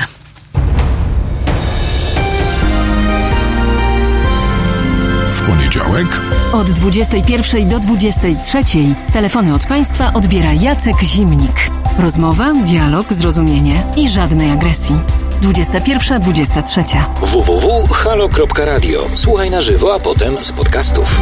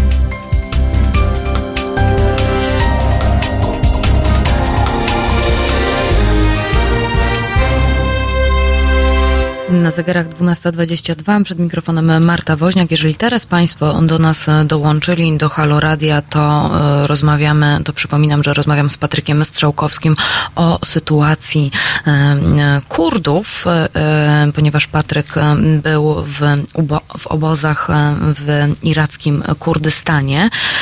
Ale zanim powiemy, kogo spotkałeś e, i z kim rozmawiałeś, wyjaśnij proszę, bo to też może być niejasne, co to są e, syryjskie siły demokratyczne. Syryjskie siły demokratyczne, które e, pojawiają się w, moim tekście, który przypomniałaś, to jest taki sojusz różnych milicji działający na północy Syrii, czyli w, w, w tej kurdyjskiej części Syrii. On powstał powstał jako taki sojusz walczący z, e, głównie z państwem islamskim na tych terenach i był wspierany przez zachodnią koali- koalicję walczącą z państwem islamskim przez Stany Zjednoczone. Na ten sojusz składają się głównie kurdyjskie milicje działające w tym regionie, ale też y, grupy arabskie, grupy y, innych mniejszości etnicznych. Mm, I y, syryjskie siły demokratyczne jeszcze do niedawna y, były taką y, organizacją kontrolującą dużą część Syrii, y, północno-wschodnią część Syrii, y, gdzie działało to jaka taka, taka nieformalna czy nieuznawana autonomia niezależna od władz władz w Damaszku. A co warto wspomnieć, to dlaczego y, Turcja walczyła z tymi y, syryjskimi siłami demokratycznymi, co, co może dziwić, skoro to był y, sojusznik Zachodu w walce z państwem islamskim. Turcja oskarża tę organizację o to, że ma silne związki, czy w zasadzie jest mm, zdaniem Turcji przykrywką do kurdyjskiej organizacji terrorystycznej działającej w Turcji, czyli partii pracującej, pracujących Kurdystanu. Mhm. E, Dlaczego, dlaczego o to pytam? E, Ponieważ w Twoim tekście właśnie pojawia się em, cytat i pozwolę go sobie, e, pozwolę sobie przeczytać e, fragment, e, bo on e, bardzo mocno obrazuje, jak traktowani są Kurdowie. Uwaga, cytuję. Dla nas Kurdów życie na terenach e, kontrolowanych przez SDF było lepsze niż pod rządem w Damaszku. Przed wojną nie wolno nam było nawet mówić w naszym języku. Jeśli powiedzielibyśmy coś po kurdyjsku obok ludzi reżimu, to wyzywali nas, traktowali nas bardzo źle. Byliśmy pozbawieni znaczenia. Przez krótki czas nasza, e, nasza wieś znalazła się pod kontrolą tak zwanego państwa islamskiego, ale uciekliśmy. Pomijając to, nasza sytuacja pod względem wolności i praw mniejszości poprawiła się po wybuchu rewolucji. Co to znaczy? Kurdowie w Syrii e, przed wybuchem rewolucji czy wojny domowej w 2011 roku byli e, skrajnie dyskryminowani przez reżim w Damaszku, reżim Bashara al-Assada, a, a wcześniej jego ojca.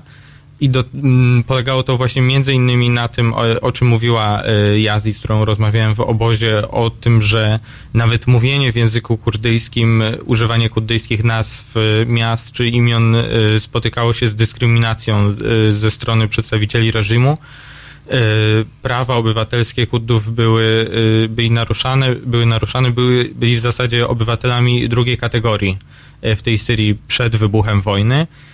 I dlatego dosyć paradoksalnie to opanowanie na jakiś czas ich terytorium przez głównie kurdyjską siłę, czyli SDF, poprawiło ich sytuację y, właśnie pod tym względem, że kiedy y, ta, ta w większości kurdyjska milicja y, rządziła terenem, e, północnej Syrii byli wtedy wolni od tej dyskryminacji, mogli swobodnie mówić e, w- swoim języku, nie spotykali się z represjami z, z tego powodu.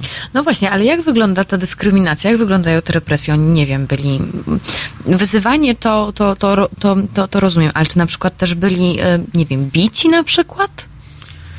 Mm, Z pewnością os- osoby, które może nie, nie za samą narodowość, ale na, y, aktywiści, przy czym to można powiedzieć też o, o wszystkich aktywistach politycznych w Syrii y, przy, przed wybuchem wojny, ale oczywiście też kurdyjskich, ci, którzy dzia- działali właśnie na rzecz y, praw swojej mniejszości, czy, czy w ogóle praw obywatelskich w Syrii.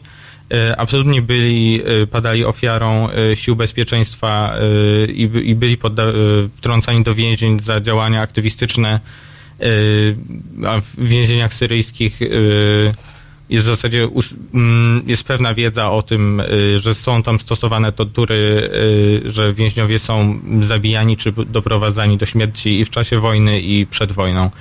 Y, Miałem okazję też spotkać y, właśnie w tym obozie inną e, Kurdyjkę, e, starszą kobietę, której syn mm, zaginął w czasie wojny. Opowiadała o tym, że właśnie był aktywistą w czasie wojny i teraz jest zaginiony, nikt nie, nikt nie wie, co się z nim stało.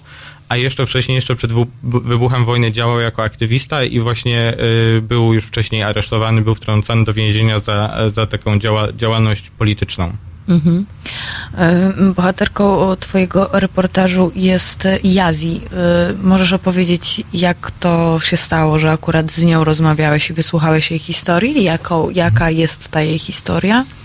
E, To był taki mocny przypadek, że udało nam się ją spotkać, ponieważ Kurdowie, którzy uciekli do irackiego Kurdystanu w ostatnich miesiącach w związku z tą turecką ofensywą, głównie trafili do innych obozów niż te, które ja odwiedziłem. W innej części kraju, gdzie nie mieliśmy możliwości pojechać.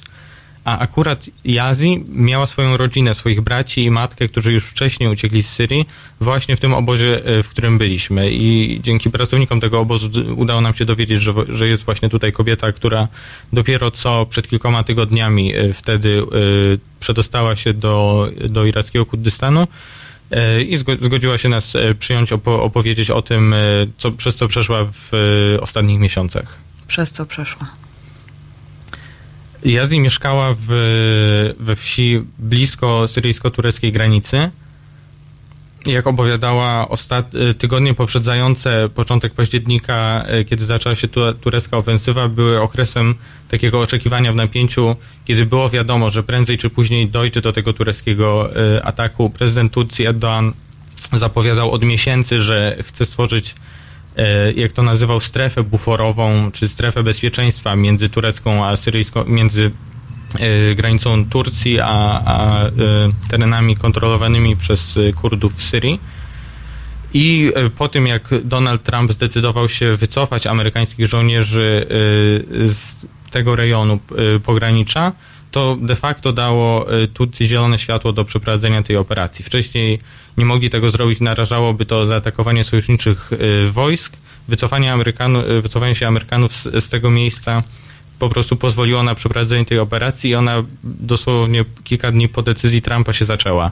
E, Spadły pierwsze bomby i to jest właśnie ten moment, który opisywała w rozmowie ze mną Jazi, m, kiedy siedziała w domu z e, dwoma swoimi synami, e, dwaj pozostali nie wiedziała, gdzie są. Usłyszała spadające bomby, wpadła panikę, w panikę, złapała dwoje młodszych synów i po prostu zaczęła biec. Mówiła, że nie, nie, nie myślała w ogóle, nie myślała o tym, gdzie są dwaj pozostali synowie, nie wiedziała w którą stronę, biegła po prostu przed siebie, aż nie dostała się do e, innej miejscowości, e, gdzie zaopiekowali się nią inni ludzie, gdzie poczuła się trochę bezpieczniej. Mhm. E, Jazi mówi, jesteśmy jak osierocone dzieci bez matki i ojca, którzy mogliby nas bronić. Jestem zła na kraje świata, że nikt nie powstrzymał tego, co się stało. Nikt nam nie pomógł. Mówi Jazi, bohaterka twojego reportażu, który mogą sobie państwo po audycji przeczytać na gazeta.pl. E, Tutaj e, też z Jazi mówisz o mm, mówisz o, rozmawiacie o tym, że Kurdowie, teraz wasze kobiety i dzieci są naszą własnością. To y, ona to słyszała, tak? Tak, opowiadała, że e, w tym okre- w okresie po tym, jak uciekła z domu, a zanim jeszcze udało jej się e, po zapłaceniu przemytnikom dostać do Iraku, y, chroniła się w szkołach, w innych budynkach zaadaptowanych na takie po prostu tymczasowe schronienia dla ludzi, którzy uciekli. To była y, absolutnie masowa ucieczka. W, o, wydaje mi się, że w przeciągu mniej więcej tygodnia 300 tysięcy ludzi, cywilów uciekło ze swoich dom, domów, y, z terenów, które były objęte tą y, turecką operacją. Więc to był ogrom ludzi, którzy chronili się właśnie w innych miejscowościach, w szkołach. Ona mówi, że dziesiąt, dziesiątki innych rodzin y, chroniły się w tej szkole, y, gdzie ona była przez jakiś czas, z ograniczonym dostępem do jedzenia, do, do sanitariów i tak dalej. I to wszystko wciąż było bardzo blisko linii frontu. Mówiła o tym, że wciąż słyszała tam spadające bomby, y, dźwięki toczącej się bitwy oraz właśnie to, to, co powiedziała, o czym nigdy wcześniej nie słyszałem czy nie czytałem, że mm, musiało tam mieć miejsce coś w rodzaju takiego psychologicznego pola walki, czyli y, przeciwna walcząca strona. Mm, nie, nie sposób stwierdzić, czy to były tureckie oddziały, czy na przykład y, walczące wspólnie z nimi y, syryjskie milicje, które są w zasadzie pod kontrolą Turcji puszczały takie komunikaty propagandowe właśnie, z, z, jak ona to opisała, przez głośniki komunikat, że teraz wy, kurdyjskie kobiety i dzieci należycie do nas, a właśnie w, w szkole, w której, w której była, mm, były tylko kobiety i dzieci. Mężczyźni albo walczyli, albo, albo, albo chronili się w innych miejscach. Ona była przerażona, znaczy no tak sobie to tylko wyobrażam, tak? Mm, no tak, oczywiście opisuje to jako, jako najgorszy, opisywała to jako najgorszy czas życia, jako traumę e, dla siebie, no i przede wszystkim dla dzieci. Sama z pewnością obawiała się o, o swoich e, czterech synów. E, tych dwóch, którzy początkowo zostali Właśnie. we wsi, udało się z nimi połączyć. E, sąsiedzi, znajomi e, sprowadzili jej do, do tej miejscowości. Już po jednym dniu udało się im w czwórkę połączyć. E, a co, co, co, też ważne, Jazdi była w tym sama, ponieważ jej mąż nie żyje już od, od lat. W 2014 roku zginął w zamachu bombowym państwa islamskiego. Y, jej bracia czy, czy inna rodzina uciekła z Syrii wcześniej, więc y, była tylko ona i tych czterech synów, ona musiała się nimi opiekować. E, I dla nich oczywiście to też można sobie tylko wyobrazić, jaka jest to trauma dla, e, dla dzieci, kiedy nagle muszą opuścić dom, kiedy słyszą e, dźwięki wojny. Opisywała, że jej synowie mm, miesiąc, dwa miesiące po tym, e, co się stało, wciąż moczą się nocami, wciąż są straumatyzowani. W jakim są wieku? Mm, najmłodszy miał 6, ma 6 lat, najstarszy 15 i, mhm. i dwóch, dwóch pośrodku. Mhm. E, proszę Państwa, zaraz do rozmowy i do historii Jazji wrócimy, bo chciałabym porozmawiać trochę o przemytnikach na granicy. E, ale to już za moment. Teraz e, Crowded House. Halo Radio. Cześć, nazywam się Renata Gabrielska i wspieram Halo Radio, jedyne w Polsce medium obywatelskie. www.halo.radio ukośnik SOS.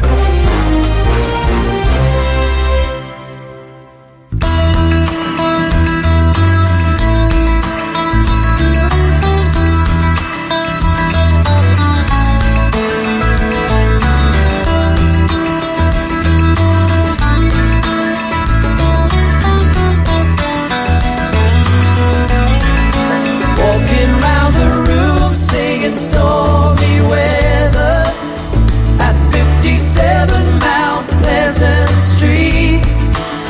Well, it's the same room, but everything's different.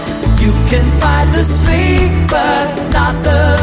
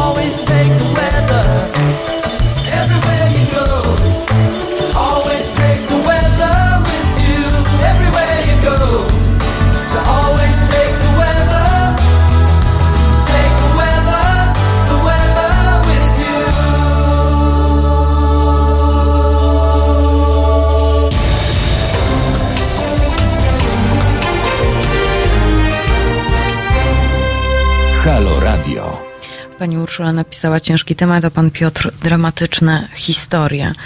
Y, y, Patryk, y, te- teraz mi się tak skojarzyło. Jak ty sobie radzisz ze słuchaniem takich historii? Ty jesteś na miejscu, ty to wszystko widzisz.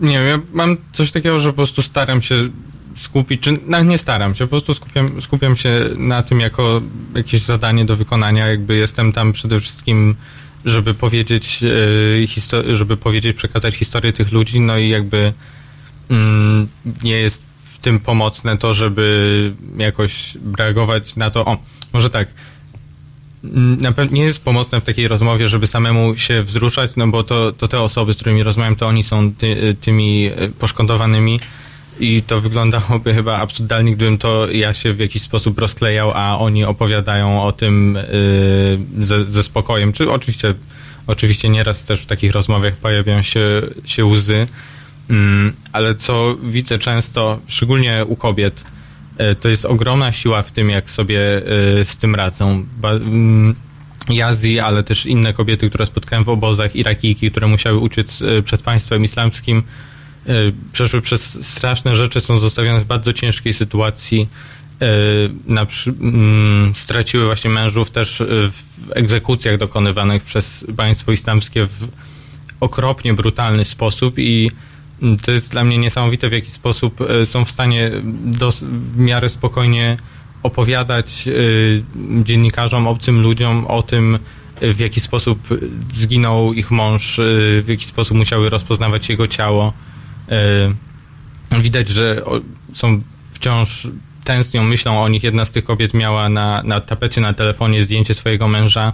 E, Później pokazywała nam zdjęcia jego grobu, e, a wciąż potrafiła, potrafiła, wciąż więcej się uśmiechała niż była smutna w trakcie tej rozmowy. Potrafiła żartować, powitać nas, pożegnać z uśmiechem. E, Jeżeli są Państwo zainteresowani e, poczynaniami Patryka, to tutaj serdecznie polecam jego konto na Instagramie. E, To jest strzałkowski.reporting, tak? tak? dokładnie się nazywa to konto. Strzałkowski.reporting na Instagramie. Proszę sobie zaobserwować i proszę śledzić. Akurat na swoim prywatnym koncie na Instagramie, ale ono myślę, że też Państwo mogą wejść i zobaczyć. E, Jest tam tak- te tak zwane Insta Stories, czyli takie krótkie filmy e, z tu i teraz, e, które zostały przez Patryka zapisane. E, Ta, ta akurat to okienko nazywa się chyba o uchodźcach. I tam rozpoczynasz, rozpoczynasz tą serię filmików z obozów dla uchodźców od tego, że widząc jak normalnie tam jest, to znaczy no trudno, jesteśmy w takiej sytuacji, a nie innej, musimy sobie jakoś radzić, bierzemy, jemy, funkcjonujemy, nie jest, e, nie jest tragicznie, jest nam oczywiście bardzo ciężko, że jesteśmy tutaj, a nie w swoich domach, w swoich miastach, w swoich wsiach, ale powiedziałeś, na, napisałeś bardzo ciekawą rzecz o godności. Czy przypominasz sobie? Tak, to jest coś, co mnie absolutnie uderzyło już wcześniej, ale może mocniej nawet e, podczas tej wizyty w irackim Kurdystanie. Jak łatwo jest z naszej perspektywy takiej odległej, kiedy czytamy tylko o, o sytuacji uchodźców w mediach, widzimy zdjęcia, e, po pierwsze uz, uznawać ich, czy widzieć ich jako jakąś taką jedną, jednolitą grupę, e, to jak się często mówi, falę uchodźców, napływ, te, te, takie dehumanizujące rzeczy, ale nawet z dobrymi intencjami dochodzi do tak zwanej wiktymizacji, czyli postrzegania ich tylko jako, tylko z perspektywy ofiar, tylko jako osoby, które są bezradne, które potrzebują pomocy, e, a nie do końca tak jest. Znaczy, oczywiście absolutnie potrzebują e, wsparcia w, w, różny sposób, mm, ale to nie są osoby, które są sprowadzone, czy których całe życie jest zdefiniowane tylko do, do, tej, do tej sytuacji. To wciąż są osoby, które mają swoją podmiotowość i, i właśnie swoją godność. I e, to, to przejawia się w takich bardzo małych rzeczach, na które zwracałem uwagę. E, Jak niesamowicie są gościnni, jakby osoby, które są, żyją w skrajnym ubóstwie, y, zawsze poczęstują swoich gości, zawsze częstowali nas y, kawą, herbatą, choćby wodą, jeśli tylko to mieli. Jeżeli zapytaliśmy jedną rodzinę zapytaliśmy o, ich ulubione danie z, z ich regionu, e, od razu zaoferowali, że zaraz je ugotują. E, Jedną, jedną kobietę zapytaliśmy o rysunki jej syna, które przyozdabiały e, ich kontener. E, To zaraz ten syn przyszedł i wręczył nam te rysunki w prezencie. Zwróciliśmy uwagę na jakieś kaktusy w puszkach po farbie, które ozdabiały podwórko tego kontenera. Te, te, też już ta kobieta chciała nam dawać te kaktusy w prezencie. Jakiś mężczyznę na obozowej ulicy tylko spojrzałem na niego, jak szedł ze sklepu z siatką mandarynek, od razu częstował mnie tymi mandarynkami. Mhm. E, więc jakby ta, ta gościnność, y, w- po, pomimo skrajnej biedy, jest, jest uderzająca i właśnie też te ozdoby to jest taki mały, mm, taki drobny, ale właśnie wyznacznik tego, tej adaptacji, tego zachowywania jakiejś godności, że chociaż ktoś żyje w, y, w kontenerze czy w namiocie, w zabłoconym obozie, w bardzo, bardzo ciężkich warunkach, to i tak stara się y, zrobić tak, żeby to schronienie było jakoś namiastką domu, żeby było przyozdobione, żeby było na tyle, na ile się da y, przyjazne dla rodziny. Mm, Jeden mężczyzna, którego spotkaliśmy, y, cały swój kontener pomalował w jakieś takie kwiciste, y, kolorowe wzorki.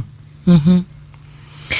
E, A powiedz mi, mm, tak, te osoby, te osoby znajdują się teraz jakby w takim trudnym położeniu e, pod względem mieszkaniowym, e, bo tutaj kontenery, tutaj namioty, a wcześniej mieszkali oni w jakich warunkach? No bo przecież też są to osoby i nie zapominajmy o tym, że to nie jest jakiś taki lud, który po prostu, nie wiem, mieszka na pustyni, w górach albo coś w tym rodzaju, tylko to są osoby, które też e, miały pracę, e, mają wykształcenie. Mm, Rozmawiałeś z nimi na ten temat? Mm, tak, za, zazwyczaj o to pytam i mm, ten przekrój jest bardzo szeroki. Jakby są osoby, które mieszkały już wcześniej w skromnych czy, czy, czy wręcz biednych warunkach w wiejskich domkach, a są osoby które, osoby, które miały na przykład całe piętro czy dwa piętra w dużym budynku, duże ogrody, więc e, tak, absolutnie są osoby, które e, mieszkały wcześniej w, w, bardzo dobrych, w bardzo dobrych warunkach, dla których to jest kompletne wywrócenie do góry nogami życia. E, to, żeby się przenieść do, do w jednym kontenerze, mieszkać na przykład ośmioosobową czy dziesięcioosobową rodziną. E, Tutaj e, e, jeden, jedna z naszych słuchaczek, Maria Kiri, napisała, prawda jest taka, że wszyscy są uchodźcami. Tutaj cały czas zachęcam Państwa do zadawania pytań Patrykowi, bo na zegarach 12.46 i jesteśmy tylko do godziny 13, więc to jest świetny moment, żeby, jeżeli mają Państwo jakieś pytanie, jeżeli chcieliby Państwo jeszcze coś usłyszeć z pierwszej ręki, bo Patryk był i widział na własne oczy, e, jak wyglądają takie obozy, e, z jakimi mm, przeżyciami Mierzą się, mierzą się mieszkańcy takich e, miejsc, to tutaj cały czas zachęcam do kontaktu telefonicznego 22 390 59 22. Można też komentować wideoczat na YouTubie, na Facebooku albo pisać teraz małpa halo.radio. Patryku, chciałam się ciebie zapytać a propos droga, e, e, bo też e, droga tułaczka tych e, osób jest e, trudna i ciężka. Tutaj chciałabym nawiązać do tych przemytników, e, bo są osoby, które za pieniądze pozwalają przejść z punktu A do punktu B, ale często również bywa, że są po prostu nieuczciwi. E, e, Czy słyszałeś o tych takich sytuacjach, gdzie przemyt, przemytnik, no tak, no tak to Mhm. nazwijmy, przemytnik oszukał albo właśnie był bardzo pomocny? Jak oni się dowiadują, do kogo mają w ogóle dotrzeć? Ciężko mi powiedzieć, jak dokładnie się dowiadują. Myślę, że po prostu w, w takiej sytuacji to jest coś, co po prostu się wie, jakby ta, ta taka zbiorowa wiedza, telefon do, do kuzyna, do znajomego, który jest y, na miejscu, od jednej do drugiej osoby przekazuje y, kontakt. W takiej sytuacji była właśnie Jazji, o której mówiliśmy wcześniej y, z, ze szkoły, gdzie wcześniej się chroniła, uciekła do innej miejscowości blisko syryjsko-irackiej granicy i tam czekała na prze, przemytnika, te, tego przemytnika, a w zasadzie dwóch przemytników e, zorganizowali jej bracia, będący już na miejscu w irackim Kurdystanie. Oni mm, dzwoniąc w jakiś sposób do, do znajomych i, i płacąc i dobrze pamiętam, 1000 dolarów kosztowało e, przekroczenie tej granicy e, dla niej i dzieci. E, Skąd wziąć takie pieniądze? No myślę, że to z pewnością cała rodzina musiała się składać. Y, na, jakby na szczęście, czy jakby pomocne w tej sytuacji zazwyczaj jest to, kiedy y, rodzina ma mm, kuzynów czy, czy, czy, czy, innych członków rodziny żyjących y, mm, na zachodzie, którzy być może są w lepszej sytuacji, zarabiają, są w stanie pożyczyć takie pieniądze.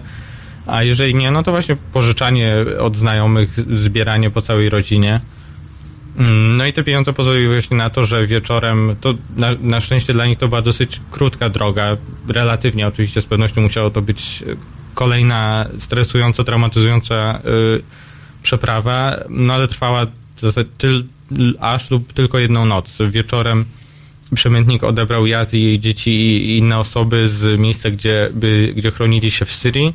Dojechali do, y, w góry na granicę syryjsko-iracką tam jak przez kilka godzin musieli ten kluczowy, y, kluczowy odcinek musieli przejść pieszo w nocy i kiedy dotarli na drugą stronę, y, po kilku godzinach tam czekał drugi przemytnik, y, który zabrał ich już do Irbilu. Nie na samo miejsce, nie chciał ich zawieźć do obozu, ponieważ obawiał się, że tam mogą być po prostu kamery ochrony, że jego samochód może zostać nagrany i, i może mieć konsekwencje, więc zawiózł ją do miasta i, i musiał jeszcze na koniec dojechać po prostu taksówką do obozu. Mm. I jak wspominała, no to był moment, może ciężko mówić o szczęściu w takiej sytuacji, ale jakiejś ulgi, kiedy jej bracia dowiedzieli się, że jest już w obozie. A tak, co ważne, e, kiedy była jeszcze w Syrii, e, to po prostu miała kontakt ze swoimi braćmi przez telefon, po prostu pisali do, do siebie na, na WhatsAppie czy innej aplikacji, ale po przekroczeniu granicy straciła zasięg z tego syryjskiego telefonu, więc te, te ostatnie godziny podróży i bracia nie mieli pojęcia, co się z nią dzieje. Dopiero dowiedzieli się, że wszystko jest w porządku, kiedy dojechała do bramy obozu, strażnicy zadzwonili do jej braci i dali znać, i mówiła, że jej matka, która była w obozie, ma ponad ma 70 lat i kiepsko chodzi, ale i tak e, wstała i doszła do samej brazy, bramy obozu, żeby ich powitać. E, bracia wybiegli z domów bez butów, żeby się przywitać, więc to był moment ulgi po tych, e, po tych tygodniach niebezpieczeństwa. Twoim tekście jest też inny ważny fragment, możesz pomyśleć, bo wydaje nam się tak, że tak trochę myślimy. E, bo tak, no w Syrii było im e, ciężko, fatalnie. E, wojna jest przerażająca. No i trafiają do bezpiecznego miejsca, ale nie do końca jest też tak e, różowo i kolorowo. I teraz e, tutaj cytuję tekst Patryka. Możesz pomyśleć, i tak nie mieliście w Syrii dostatniego życia, ale tak bardzo tęsknię za tymi dniami. Byliśmy szczęśliwi. Kiedy zasiadaliśmy razem całą rodziną do posiłku, potrawy były pyszne. Teraz każdy kęs jest pozbawiony smaku. Gdybym mogła, gdyby było bezpiecznie, wróciłabym tam, do Syrii. Nawet gdybym miała żyć w namiocie. To nasz dom, ale nie wierzymy, że będzie bezpiecznie, nawet za 10 lat, choć mamy nadzieję. No myślę, że to jest, to, to, to są słowa, które chciałbym, żeby e, przeczytała czy usłyszała każda, każda osoba wzywająca, do, y, mówiąca, że uchodźcy tylko myślą o tym, żeby przyjechać do Europy, żeby tutaj żyć na socjalu y, i, i czerpać jakieś korzyści z tego. Jakby ucieczka z kraju Y, ro, mm, przerwanie tych więzi rodzinnych to jest naprawdę po prostu przeoranie społeczności, rodzin, to, to, to jest coś, to po prostu właśnie wjeżdża po prostu jak pług w, w te społeczności i, i ora je roz, rozdziera. Y, I to jest okropne, okropne przeżycie dla, dla tych osób jeszcze w, w tych kulturach na Bliskim Wschodzie rodzina ma też in, in, trochę inny wymiar niż u nas. Do tego te rodziny są często duże, wielopokoleniowe, mieszkają ze sobą babcie, rodzice, Y, kilkoro dzieci, czasem ze, swo ze swoimi dziećmi i właśnie te, mm, te momenty, kiedy byli w stanie, nawet żyjąc ubogo, ale zasiąść razem do posiłku, być wszyscy, raz, być wszyscy razem, to jest to, co często wspominają jako to, czego im najbardziej brakuje, czy za czym, za czym najbardziej tęsknią i to, co, co ta wojna im zabrała. Mm, no i co jakby o ile można, można odbudować dom, można z powrotem znaleźć pracę, no to te więzi rodzinne to jest coś, czego czasem nie da się odbudować w ciągu jednego pokolenia. E, Proszę Państwa, pamiętajmy o, o tych wszystkich osobach, które znalazły się, które musiały uciec e, ze swoich domów e, rodzinami, często tracąc z nimi kontakt. E, Tutaj mogą Państwo wesprzeć e, uchodźców z Syrii, e, chociażby poprzez stronę polskiej misji medycznej, gdzie tutaj akurat Patryk napisał tekst właśnie, dlatego cały czas odsyłam do gazety.pl. My musimy już kończyć. A tutaj mieliśmy jeszcze jeden temat do omówienia, no ale trudno przy następnej okazji. Patryku, bardzo Ci dziękuję, że Dzięki. przyszedłeś e, i opowiedziałeś. E, Bądźmy uważni, proszę Państwa. Tego życzę Państwu na ten weekend. E, Ja dziękuję Kajetanowi Strzelczykowi, mojemu realizatorowi. To byłam ja, Marta Woźniak. Do usłyszenia już za tydzień w sobotę.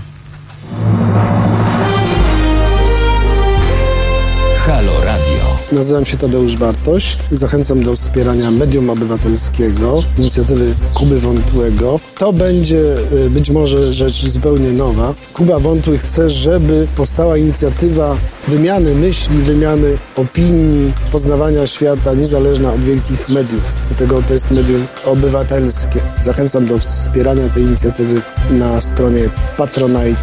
Tam wszystkie dane będą dostępne. Profesorze, a będzie pan w takim projekcie uczestniczył? Z chęcią wezmę udział w tym projekcie. Zobaczymy, jak się ułoży. www.halo.radio ukośnik SOS.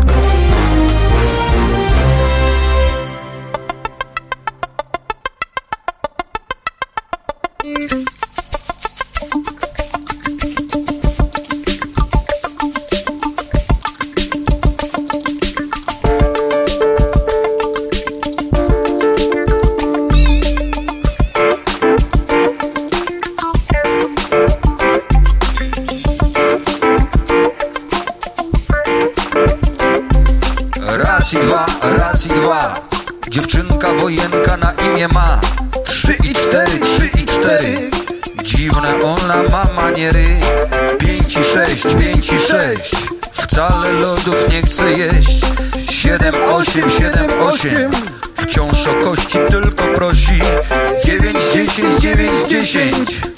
z kości jej przyniesie? Może ja?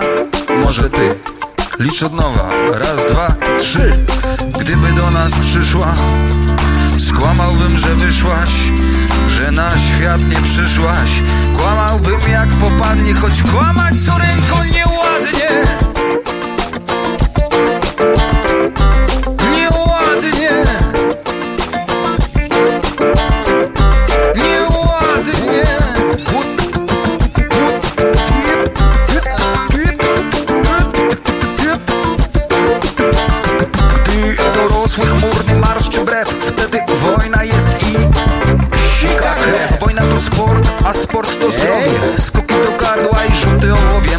Zawsze jest powód do użycia noża. Płock żąda dostępu do morza. Żołnierz na wojnie gnije w okopie. Żona pisze brzuch duży i mały kopie. Myśli żołnierz w dupie z wami. I waszymi wojnami myśli żołnierz w dupie z wami. I waszymi wojnami myśli żołnierz w dupie z wami. I waszymi wojnami Gdyby do nas przyszła Skłamałbym, że wyszłaś, że na świat nie przyszłaś. Kłamałbym jak popadnie, choć kłamać córeńko nieładnie. Nieładnie. Nieładnie.